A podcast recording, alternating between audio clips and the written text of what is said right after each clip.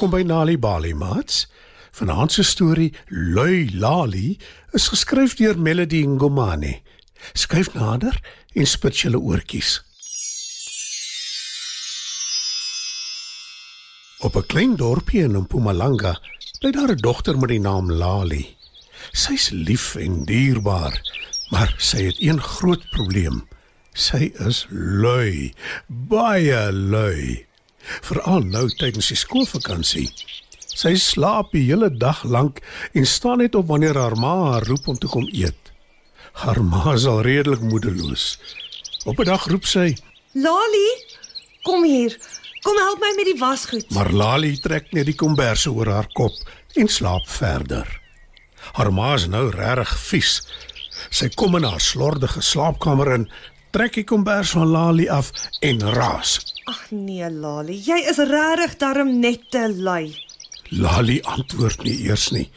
Maar toe sê haar ma, Ek moet môre Johannesburg toe gaan vir 'n paar dae. My werk stuur my. Jy sal by jou ouma moet bly. Lali sit nou skielik regop. Soos jy weet, is sy nie meer jonk nie. Sy kan nie alles vir jou doen soos ek nie. Jy sal moet help in die huis. Kan ek nie liewer saam met mamma gaan nie? Pleit Lali. Beslis nie. Jy gaan 2 dae by ouma bly. Pak jou tas. Sê haar ma en loop by haar slaapkamer uit. Lali pak 'n paar kledingstukke in haar tas en die volgende oggend gaan sy na haar ouma se huis toe. Maar sy mompel onderlangs. Sy bly reg langs ons.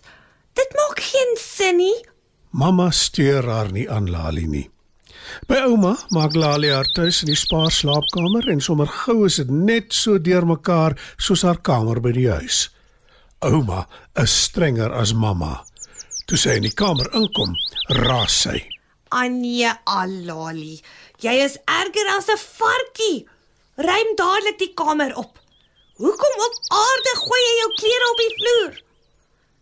Ek sal net nou opruim, ouma. sê Lali onwillig. Ouma skud net haar kop en gaan kombuis toe. Maar Lali hou nie haar belofte nie. En sommer gou is ouma se kombuis en haar sitkamer ook deurmekaar. En al wat ouma uit Lali kry, is beloftes. Sy kan dit naderhand nie meer verduur nie. Ek het nie krag hiervoor nie. Pak jou tas en gaan terug huis toe. Sê sy, Pas my. Maar mamma gaan nie daarvan hou nie. sê Lali. Wel ek hou nie daarvan om in 'n slordige huis te bly nie. Antwoord ouma. En Lali gaan terug huis toe. Ouma vra darm haar goeie vriend wat 'n sekuriteitswag is om 'n oog te hou oor die huis langs aan. Lali is slordig, maar sy is nog steeds haar kleinkind. Sy wil hê sy moet veilig wees op haar eie. Dankie tog. Uiteindelik alleen. Niemand om in my ore te kla nie. Sê Lali toe sy tuis kom. Maar toe raak haar slordigheid vir haar ook te veel. Hoekom is daar nie 'n towerwoord wat ek kan sê en dan is alles opgeruim en netjies nie? Sug Lali. Ek weet wat jy kan doen. Hoe sy 'n klein stemmetjie sê. Lali kyk rond. Sy sien niemand nie. Maar toe val haar oog op 'n klein muisie op die kombuistafel wat aan haar oorskiet broodjie knaag. Hey. Dis ongeskik om te staar. Sê die muis en hardloop na die voordeur toe. Toe. Kom jy? Sê hy. Lali is nou skieurig en volg die muis. Hulle loop straat af na die park oorkant Lali se huis toe. In die hoek van die park is daar 'n klomp mielieplante. Kyk tussen die mielies. Daar is 'n klein blou en wit koppie. sê die muis en kruip onder 'n struik in om te rus. Gaan jy my nie help nie? Vra Lali, Help jouself. Jy is jonk en sterk. sê die muis. Hy maak sy oë toe en raak aan die slaap. Lali begin kla, kla, soek na die klein blou en wit koppie. Toe sy dit kry, tel sy dit op en vat dit na die struik toe waar die muis lê en slaap. Hy maak sy oë oop en sien Lali het die koppie. Mooi. Jy het dit reg gekry. Dis 'n towerkoppie en dit sal al jou huiswerk vir jou doen. Dra dit oral saam met jou. Maar moenie dit enige plek neersit wat nie silwer skoon is nie. Anders sal dit nie werk nie. Lali draf opgewonde huis toe. Sy kyk rond, maar sy sien nêrens 'n silwerskoen plek om die koppie neer te sit nie. Lali ruim dus noodgedwonge haar slaapkamer op. Toe sit sy die towerkoppie op haar lesenaar neer. Danksy die koppie gaan ek soos 'n koning lewe. Sê Lali en gaan lê op haar netjies opgemaakte bed. Sy is nog moeg na al die gewerskaf en raak aan die slaap. Na 'n ruk word sy wakker, Ek is honger. sê Lali. Sy vat die towerkoppie en stap kombuis toe. Maar toe sy in die kombuis instap, sien sy dis baie deurmekaar. Sy sal eers moet opruim voordat sy die koppie kan neersit. Sy loop terug slaapkamer toe en bære die koppie daar.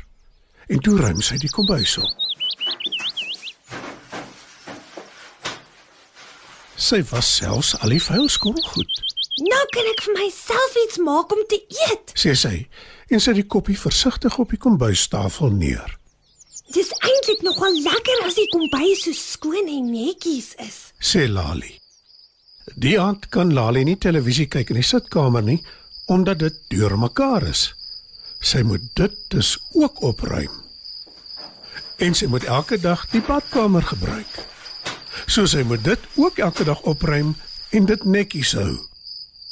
Toe mamma by die huis kom en die voordeur oopmaak, steek sy verbaas vas. Lali, wat het hier gebeur? Hoekom is alles so skoon en netjies? Roep sy. 'n Towerkoppie, mamma. antwoord Lali en sy vertel mamma van die muis en die koppie. Toe sy klaar is, bars mamma uit van die lag. Dis nie 'n towerkoppie nie, Lali. Sê mamma, Maar die huis is dan skoon en netjies, jy's oor die koppie. sê Lali verbaas. Ja, maar jy het dit opgeruim. Nie die koppie nie. En sy sê saggies net vir haarself. Ek dink nie eers daar was ooit 'n muis nie. Lali dink 'n oomblik na. Toe glimlag sy want sy besef mamma is reg. En sy erken dat dit baie lekkerder is as alles netjies is. Sy kry ook nie weer die koppie toe sy daarna soek nie. Maar Lali was daarna nooit weer lui nie. Dit was dan ons Nali Bali storie vir vanaand. Lui Lali is geskryf deur Melody Ngomane. Die storie is aangebied deur die Nali Bali lees vir genotveld tog in samewerking met SABC Education. Ouma, ek is honger. Kan ons vanmiddag kolwyntjies bak asseblief? Reg so my kind, maar jy sal my moet help om die resep te lees. Skopkinders se liefde vir lees tuis af. Het jy 'n storie om te vertel? Stuur jou storie in enige amptelike taal na stories@nalibali.org en dit kan moontlik gepubliseer word. Nalibali. Dit begin met 'n storie. Stuur jou storie in enige amptelike taal na stories@nalibali.org en dit kan moontlik gepubliseer word. Nalibali. Dit begin met 'n storie.